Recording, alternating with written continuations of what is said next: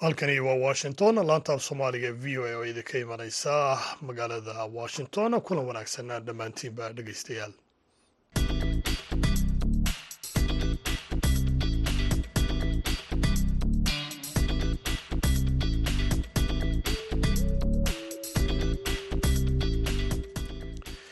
waa duurnimo salaasaha taariikhduna ay tahay shan iyo labaatanka bisha oktoobar ee sanadka laba kun iyo labaiyo labaatan. Waxaad naga dhegeysanaysaan mawjada gaagaaban ee lix iyo tobanka iyo sagaal iyo tobanka mitirban iyo dunidao dhan ad nagala socotaan boggayaga v o a somali com. Haatan dhegeystayaal saacadda afrikada bari waxay tilmaamaysaa kowdiya markii duurnimo idaacaddana waxaa halkan idinkala socodsiin doona. Aniga oo cabdixakiin maxamuud shirwac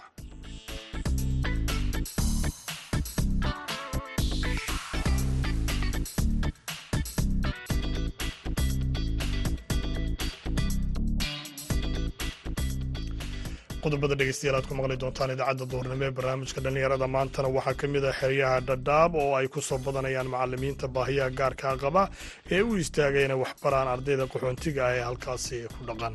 Sagaal bilood ayay wada dhasheen. Marka inaad midda wax barto midna aan waa laga fiican yahay. Kulligood oo isku mid waayna mustaqbalkan waa shaqaysan karaan. Waxaan ku dhiirigelinaha macalimiinta ayagana iskuullada dhammeeyeen inay caawiyaan ilmahan oo curyaamiinta ah waxaa kaloo aad maqli doontaan magaalada boosaaso martigelisay kulan dhallinyarada puntland lagu wacyigelinayay ka qaybgalka doorashooyinka golayaasha deegaanka. Kaalmiyahaasi iyo weliba ciyaari ayaad sidoo kale aan idiin haynaa hase yeeshe marka hore ku soo dhowaada warkii dunida.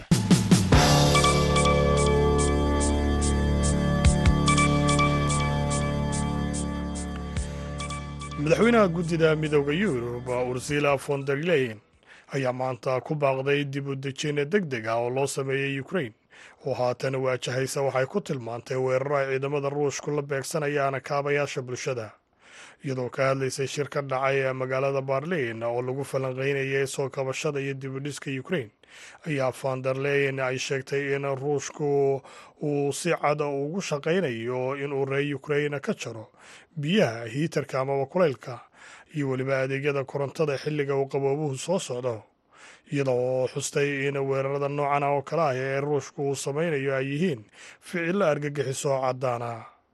Vanderleyen ayaa ah mid argagaxle ku tilmaantay heerka burburka ukrain kadib muddo siddeed bilood ama oo ka soo wareegtay kadib markii uu ruushku gulufka ku qaaday dalkaasi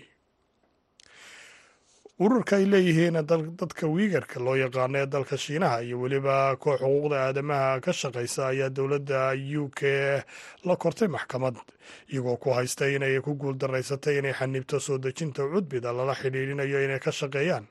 Shaqaale xoog lagu adeegsaday iyo weliba tacadiye kale oo ka dhacay gobolka sinjang ee ku yaalla dacalka bari ee dalka shiinaha garmaqalka maanta oo salaase ah ka dhacaya maxkamadda sare ee magaalada london. Ayaa la aaminsan yahay inuu yahay markii ugu horreysay ee maxkamad dibadda ah ay dhegaysato doodaha ka imanaya. Dadka wiigarka ee lala xidhiidhinayo in lagu shaqaysto gobolka sinjang gobolkan oo ah mid dunida aada ugu soo saara cudbida. Ayaa kooxaha xuquuqda aadamuhu muddo dheer ku eedeynayeen in cudbidaasi ay soo guraan islamarkaana ay kala habeeyaan dadka wiigarka ah ee shiinaha ku nool. Iyo weliba bulshada muslimiinta ee laga tirada badan yahay ee loo yaqaano tarkig dhegeystayaal warkii dunidana waa naga intaasi. Haatanna u diyaargarooba qeybaha kale ee idaacadda duhurnimo ee barnaamijka dhallinyarada maanta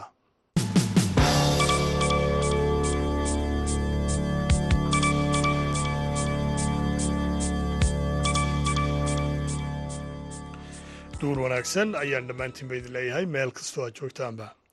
Aan ku bilownay magaalada boosaaso ayaa lagu qabtay kulan ay isugu yimaadeen dhallinyarada magaaladaasi kuwaasoo ka arrinsanaya sidii ay qeyb uga noqon lahaayeen doorashooyinka golayaasha deegaanka ee la filayo inay noqdaan kuwo qof iyo warbixin arrintan ku saabsan waxaa noo haya wariyahayaga yuusuf maxamuud yuusuf kulankan oo isugu yimaadeen dhallinyarada magaalada boosaaso ayaa ahaa mid ka duwan. Kulamadoodii hore oo inta badan dhallinyarada ay qabsadaan waxaana uu ahaa mid looga hadlayey doorka dhallinyarada ay ku lahaan karaan doorashooyinka golayaasha deegaanka oo puntland ay qorsheynayso inay hirgeliso nidaam doorasho qof iyo cod ah taasoo qabanqaabadeeda laga dareemayo magaalada boosaaso iyo weliba puntland. Dhallinyaradana waxay ahaayeen kuwo xiiseynayey ka qayb noqdaan qorshaha socda ee golayaasha deegaanka degmada boosaaso kulankan oo uu soo qabanqaabiya dallada dhallinyarada gobolka bari ee abyan waxaa ka qaybgelaya bulshada qeybaheeda kala duwan siyaasiyiin kuwaas oo u arka barnaamijkan. Fursad ay u haystaan dhallinyarada inay ka soo muuqdaan. Gudoomiyaha dallada dhallinyarada gobolka bari isaaq salaad maxamuud dalbooni ayaa kulankan furay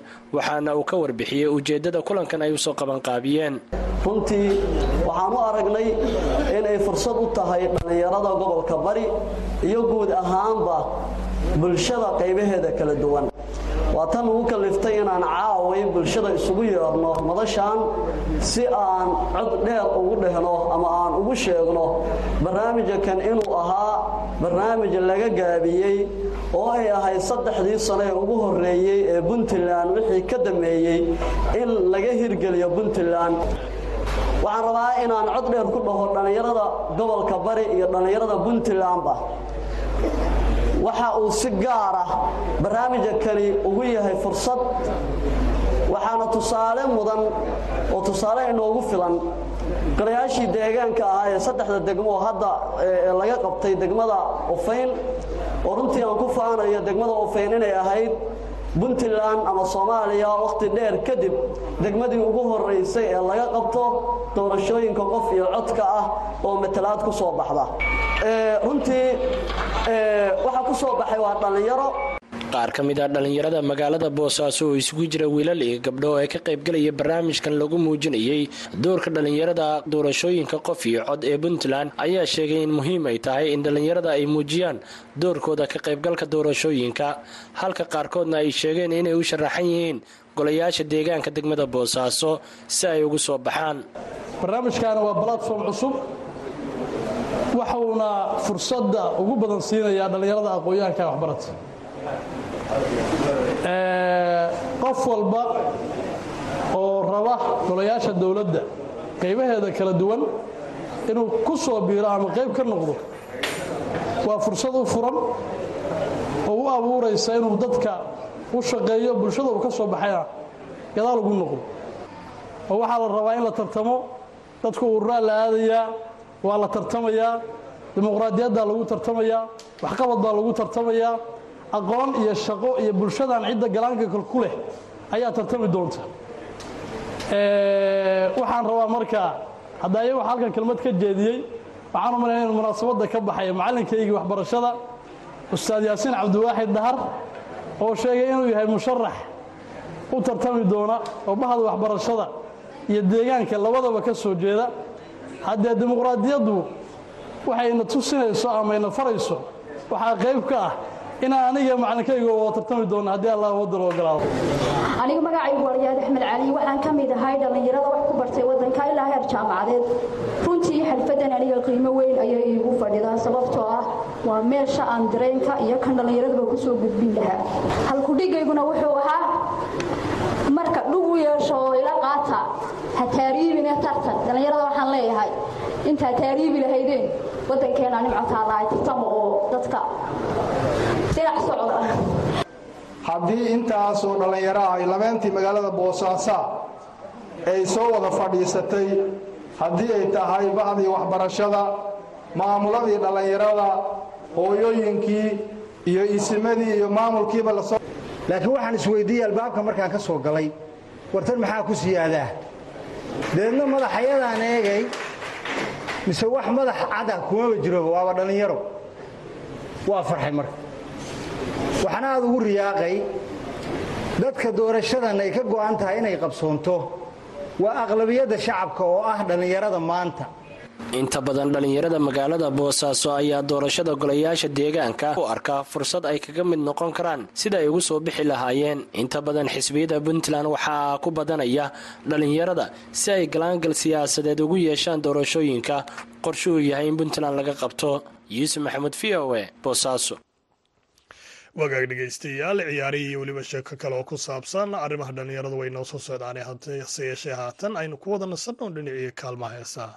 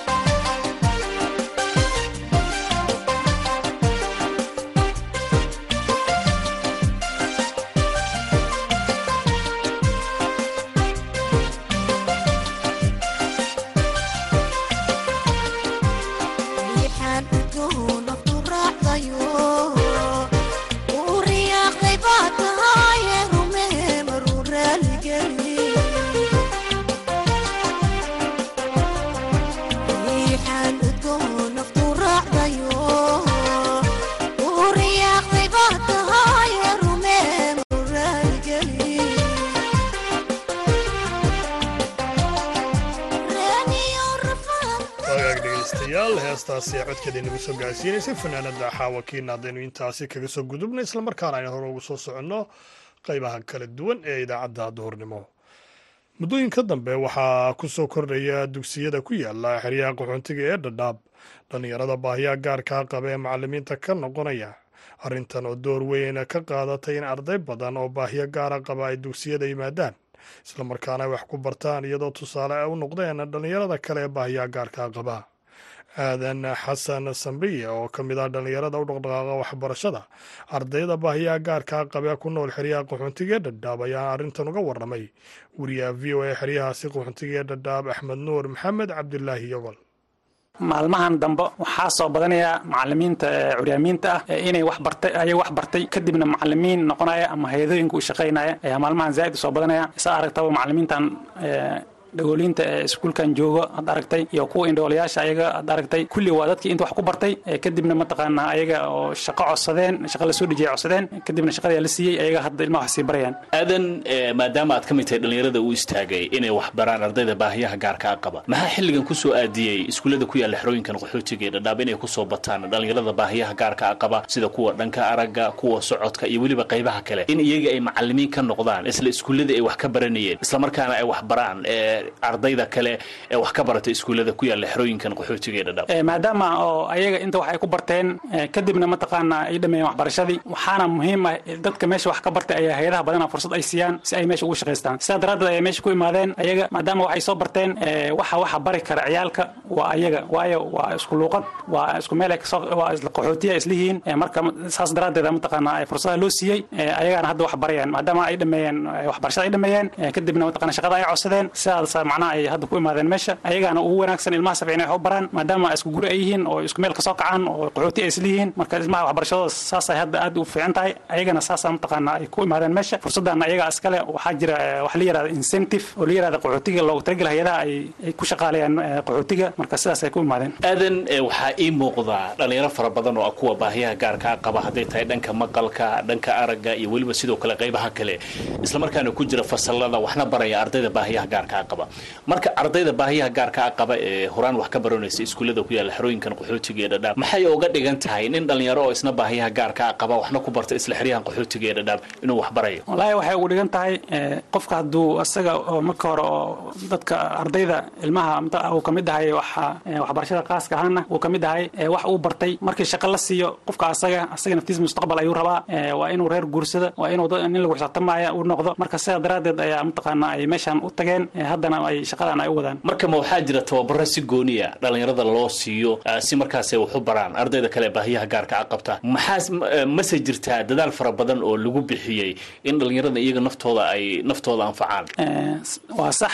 Qofka markuu mataqaana ilmaha curyaamiinta ah iskuullada markay dhameeyaan kadib waxaa la siiyaa tababaro ayaa la siiyaa qaabka indhoolaha waxa loo bari lahay qaabka dhagoolka waxa loo bari lahay hay'adaha ayaa fursadaha siiya oo tababaraha siiyaan qaarkood meelo kora loo qaadaa wax lagu soo baraa tababaro lagu soo siiya qaarna intaa mataqaana tababaro lagu siiya marka tababaradaas ayaa ka caawisay inay waxbarashada ay tayo ay u yeesho. Aadan waxaan ognahay cimilada xerooyinkan qaxootiga ee dhadhaab aad bay u kuloshahay ardaydan baahiyaha gaarka a qabana iskuullada muddooyinka dambe ay ku soo badanayeen iyadoo tan dhiirigelin ay u noqotay in dhalinyaro baahiyaha gaarka a qaba ay wax barayaan waxaan ognahay in dhalinyaradan baahiyaha gaarka a qaba ee haatan iskuullada wax ka dhiga in qaarkood ay degan yihiin meelo ka fog iskuullada ay dhigaan. Marka dhiirigelin intee la eg baad markaasi aad u samaysaan si dhalinyaradan ay u sii wadaan hawshan ay wadaan waa sax waa runta oo mataqaanaa macalimiintan hadda iskuullada dhigayaan waxbarashada ilmaha gaar ahaanta mataqaana curyaamiinta ama ilmaha wax baraan ayaga naftooda waa meelo fog ayay ka imaadaan intayna imaadaan waxayna isticmaalaan lacagta yaroo mataqaana oo la siiya saabuuntan loo siiya ayay mataqaana baabuur ku soo dhacaan inta ku imaadaan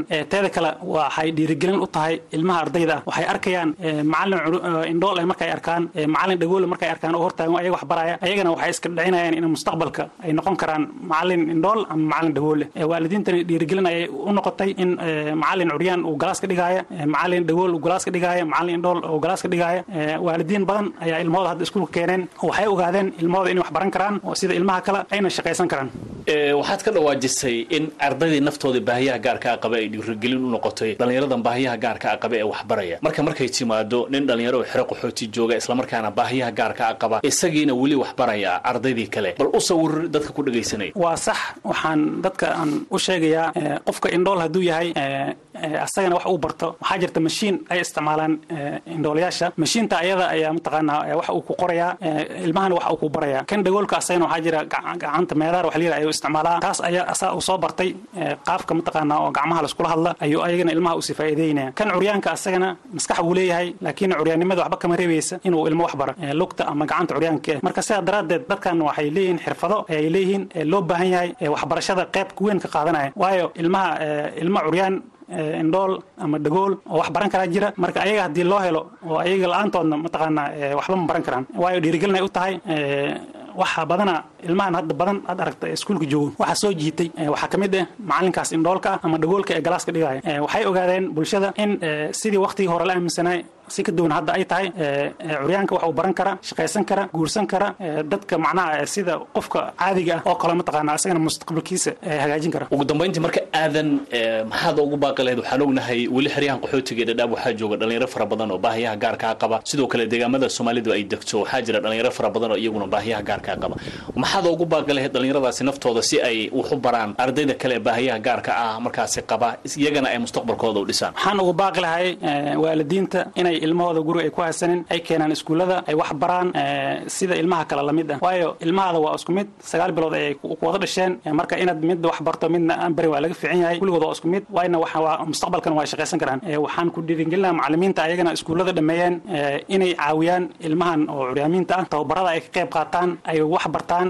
Sidoo kale aniga hadda idinla hadlaaya heer waxaan gaaray waxaan jaamacadan gaaray.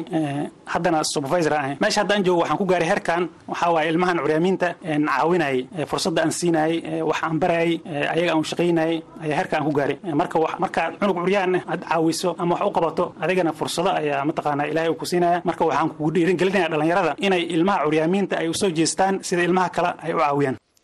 Waagaag dhegeystayaal kaasina wuxuu ahaa aadan xasan samriye oo ka mid a dhallinyarada u dhaqdhaqaaqa waxbarashada dadka baahiyaha gaarkaa qaba ee ku nool xeryaha qaxoontiga ee dhadhaab waxaanu waramayey axmed nuur maxamed cabdilaahi yagol haatanna ku soo dhowaada xubintii ciyaaraha inoo hayo maxamuud masaade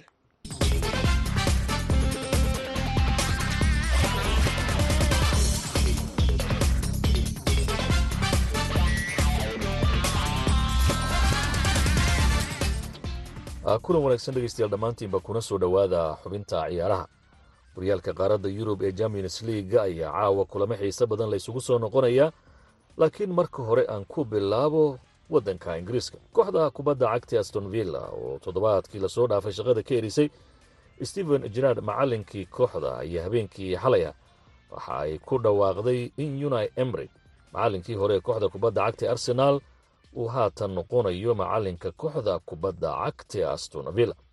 Macalinkan uni emry ayaa waxa uu ka soo tegayaa kooxdii uu hadda laylinayay ee valerial iyadoo kooxda valerialna ay aston villa siisay lacag gaaraysa shan milyan oo ganiga ingiriiska. Taasi u ogolaanaysa macalinku inuu layliyo kooxda kubadda cagta aston villa. Uni emry ayaa lagu yaqaanaa macalin kobo badan u soo qaaday kooxihii uu u kala ciyaaray aan uu soo kala leyliyey inkastoo kooxda kubadda cagta arsenal aanu wax kooba u qaadeen aston villa ayaa haddaba la isweydiinayaa halka ay joogto macalinkan ma dhaafsiin karaa arrimahaasi waxay la falanqaynaysaa sacdiye cali oo ciyaaraha u dhuun dalosha sacdiye soo dhowow uni emry waa macalin weyn marka la eego macalimiinta kooxaha ka leylaya qaaradda yurub ee aston villa muxuu ku soo kordhin karaa? Waa mahadsantaha masade uni emry wax hadda gooni oo oo wax weyn oo ku soo kordhinayo ma arko. Maadaama ay aston villa aynan ahayn tiam weyn laakiin adiga tobanka wuu keeni karaa oo inay relegation ay aadaan wuu ka badbaadi karaa ayaan is leeyahay marka aad eegto laakiin khibraddiisa ma isleedahay kooxdan waxa laga filayo wax ka badan wuu gaarsiin karaa? Kooxda khibradna wuu yahay laakiin tiamka tiam weyn ma ahan. Inkastoo hadda ciyaartooydooda aynan xumeyn laakiin adiga uweeraan hadduu meel fog uu geynaa aan isdhaho europa league xataa ma isdhihi karo uu gey karaas sababtoo ah timo badanaa socdo si newcastle oo kale tottenham timo badanaa socdo. Marka tobanaad hadday imaadaan nasiibay joogaan taagana laakiin adigu waxaad leedahay macalinkan ujeedada dhanoo loo keenayba waxay tahay inuu kooxda ka badbaadiyo ciyaaraha heerka labaad inay ku noqoto. Aada weyn. Laakiin taasuu ka badbaadin karaa laakiin sooma waa ka badbaadi karaa boqolkiiba boqol. Waa tahay haatanna haddii aan jaleeco ciyaaraha champions league kulamo adag ayaa caawa la isugu soo noqonaya. Gruupka e zelisburg chelsea ayay gurigeeda kula ciyaaraysaa. Dynamo zagrib ac milan ayay la kulmi doontaa. Celtic iyo shakhtar doneski groupka f ayay ku wada kulmayaan guriga celtic. Arbi lebzeg iyo kooxda kubadda cagta real madrid ayaa iyaguna foodes dari doona. Groupka g sevilla f c copenhagen la ciyaaraysaa. Brusia dortmund iyo manchester city kulan xiiso badan ayay labadaasi kooxood dabcan wada yeelan doonaan. Benfica yuventus ayay la ciyaaraysaa. B s g na macabi haiva ayay la ciyaaraysaa. Gruupkan ayaa dabcan ah gruup ilaa hadda cid soo baxday aanay jirin. Kooxaha kubadda cagta ee b s g iyo benfica ayaa isku dhibca. Kooxaha kale ee yuventus iyo macahi haivana waa isku dhibco iyaguna mi saddex dhibcood ayay leeyihiin laakiin kulanka dhex maraya benfica yuventus caawa waxaa la isweydiinayaa kooxda kubadda cagta yuventus awood ma u yeelan doontaa inay ka badiso benfica sacdii maxaad u malanaysaa kulankaas wallahi kulankaas u socda wuu adag yahay laakiin yuve ma u malaynaya inay ka soo bixi karto sababtoo ahta benfico gurigeeday ku soo tuntay yuve yuve ma u malaynaya marka iyadoo wey in intay guri kale ay ku soo badi karta laakiin kuwa iska kubadda cad oo nasiibay ku soo bixi kartaas leh laakiin yuve yurubi liga laga sugaya iyaga yani waxaad leedahay way ku adkaan doontaa kooxda yuventus inay caawa guriga benfica ku soo adkaato way ku adkaa doontaa inkastoo kubadda cagta ay cadimadooda iska tahay laakiin ma u malaynayo nasiib inay ku soo baxaan waa iska nasiib laakiin ma u malaynayo inay soo bixi karaan haddii ay dhacdo marka yuventus kulanka caawa in ay guulaysato halkaa oo saddex dhibcood soo qaadato toddobo ee lix dhibcood ayay imaanaysaa benfica sideed bay leedahay hal kulan baa markaa horyaalka hari doona weli raje ma ay leedahay markaa yuventus ma soo bixi kartaa waad is leedahay maya u maleyna sababta ay tahay benfica laba game ma luus garan karto ma labada gameba ma laga badi karo ugu yaraan hal dhibic qalqaasa kartaan is leeyahay maadaama ay sideed dhibic ay leedahay marka yuventus inay sagaal dhibcood timaado hadhowna waxay noqonaysaa labadooda in laysku fiiriyo goolasha cidda badan marka waa jid dheer bay ku noqonaysaa yuventus inay soo baxdo way adag tahay sababta tahay yuve hore maysan u shaqaysan haddii ay hore u shaqaysan laheeday xoogaa rajay lahaa waa carcar leed laakiin hadda meelay ku carcarto ma joogto waa tahay sacdii aad baad umahadsan tahay. La arki doonay haddaba caawa kulanka kooxaha kubadda cagta ee benfica yuventus guushu halkay aado iyo haddii yuventus ay inta guul kulankan ka soo qaadato kulanka dambena macabi haiva ay u celiso kooxda kubadda cagta ee benfica. Si kastaba kulanka caawa ayaynu sugi doonaa sida ay natiijadiisu noqoto. Dhegeystayaal xubinta ciyaarahan inta ayaan ku soo gabagabeynaya tani kulan dambe waa mascado idila sidaa iyo nabadgelyo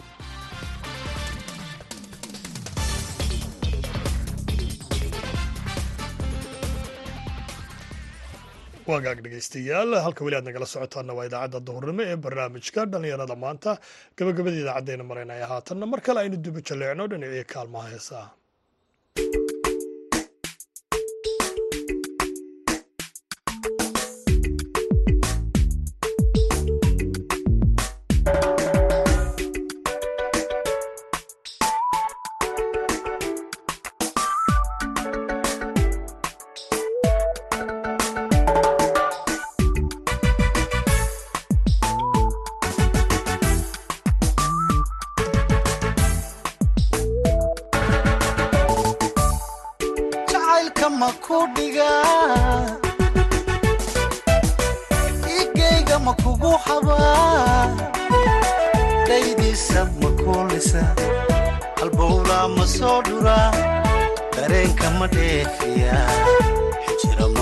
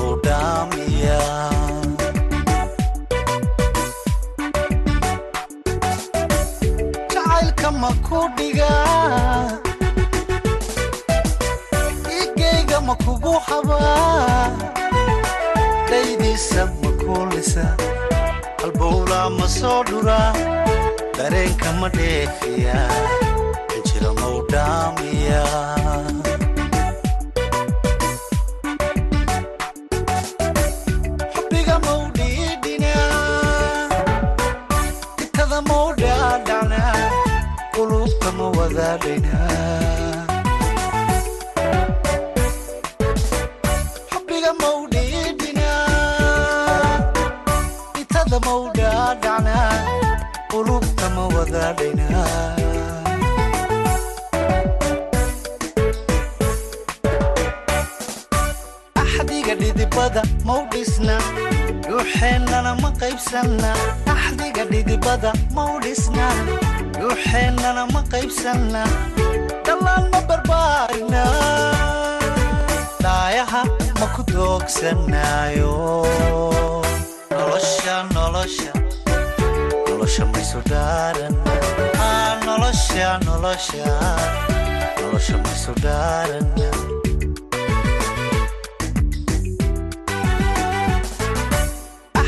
dhidibada mau dhisna? Dhuuxeennana ma qaybsanna? Axdiga dhidibada mau dhisna? Dhuuxeennana ma qaybsanna? Dhallaan ma barbaarina? Dhaayaha ma ku doogsanaayo nolosha nolosha. Nolosha maysu dhaaran. Nolosha nolosha. Nolosha maysu dhaaran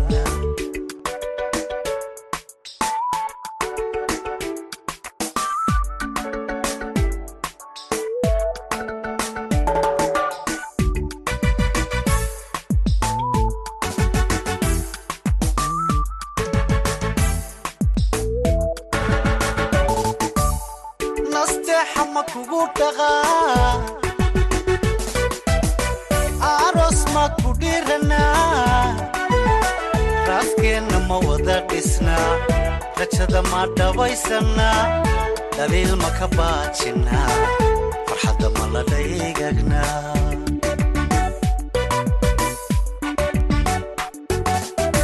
nasteexa ma kugu dhaqaa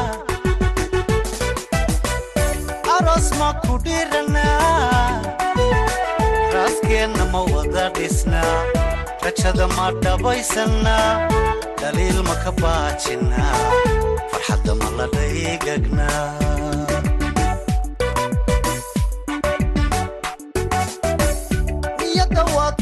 ku dheertaho xiskaa dhadhan kugu hayeen dhammaystiramay ahaa heestaasi codkiisa inagu soo gaadhsiinayey maxamed siyeed biikeena waxay ugu dambaysay idaacaddii duurnimo ee barnaamijka dhallinyarada maanta. Tan iyo kulanta dambe waxaan idin leeyasaayo nabadgelyo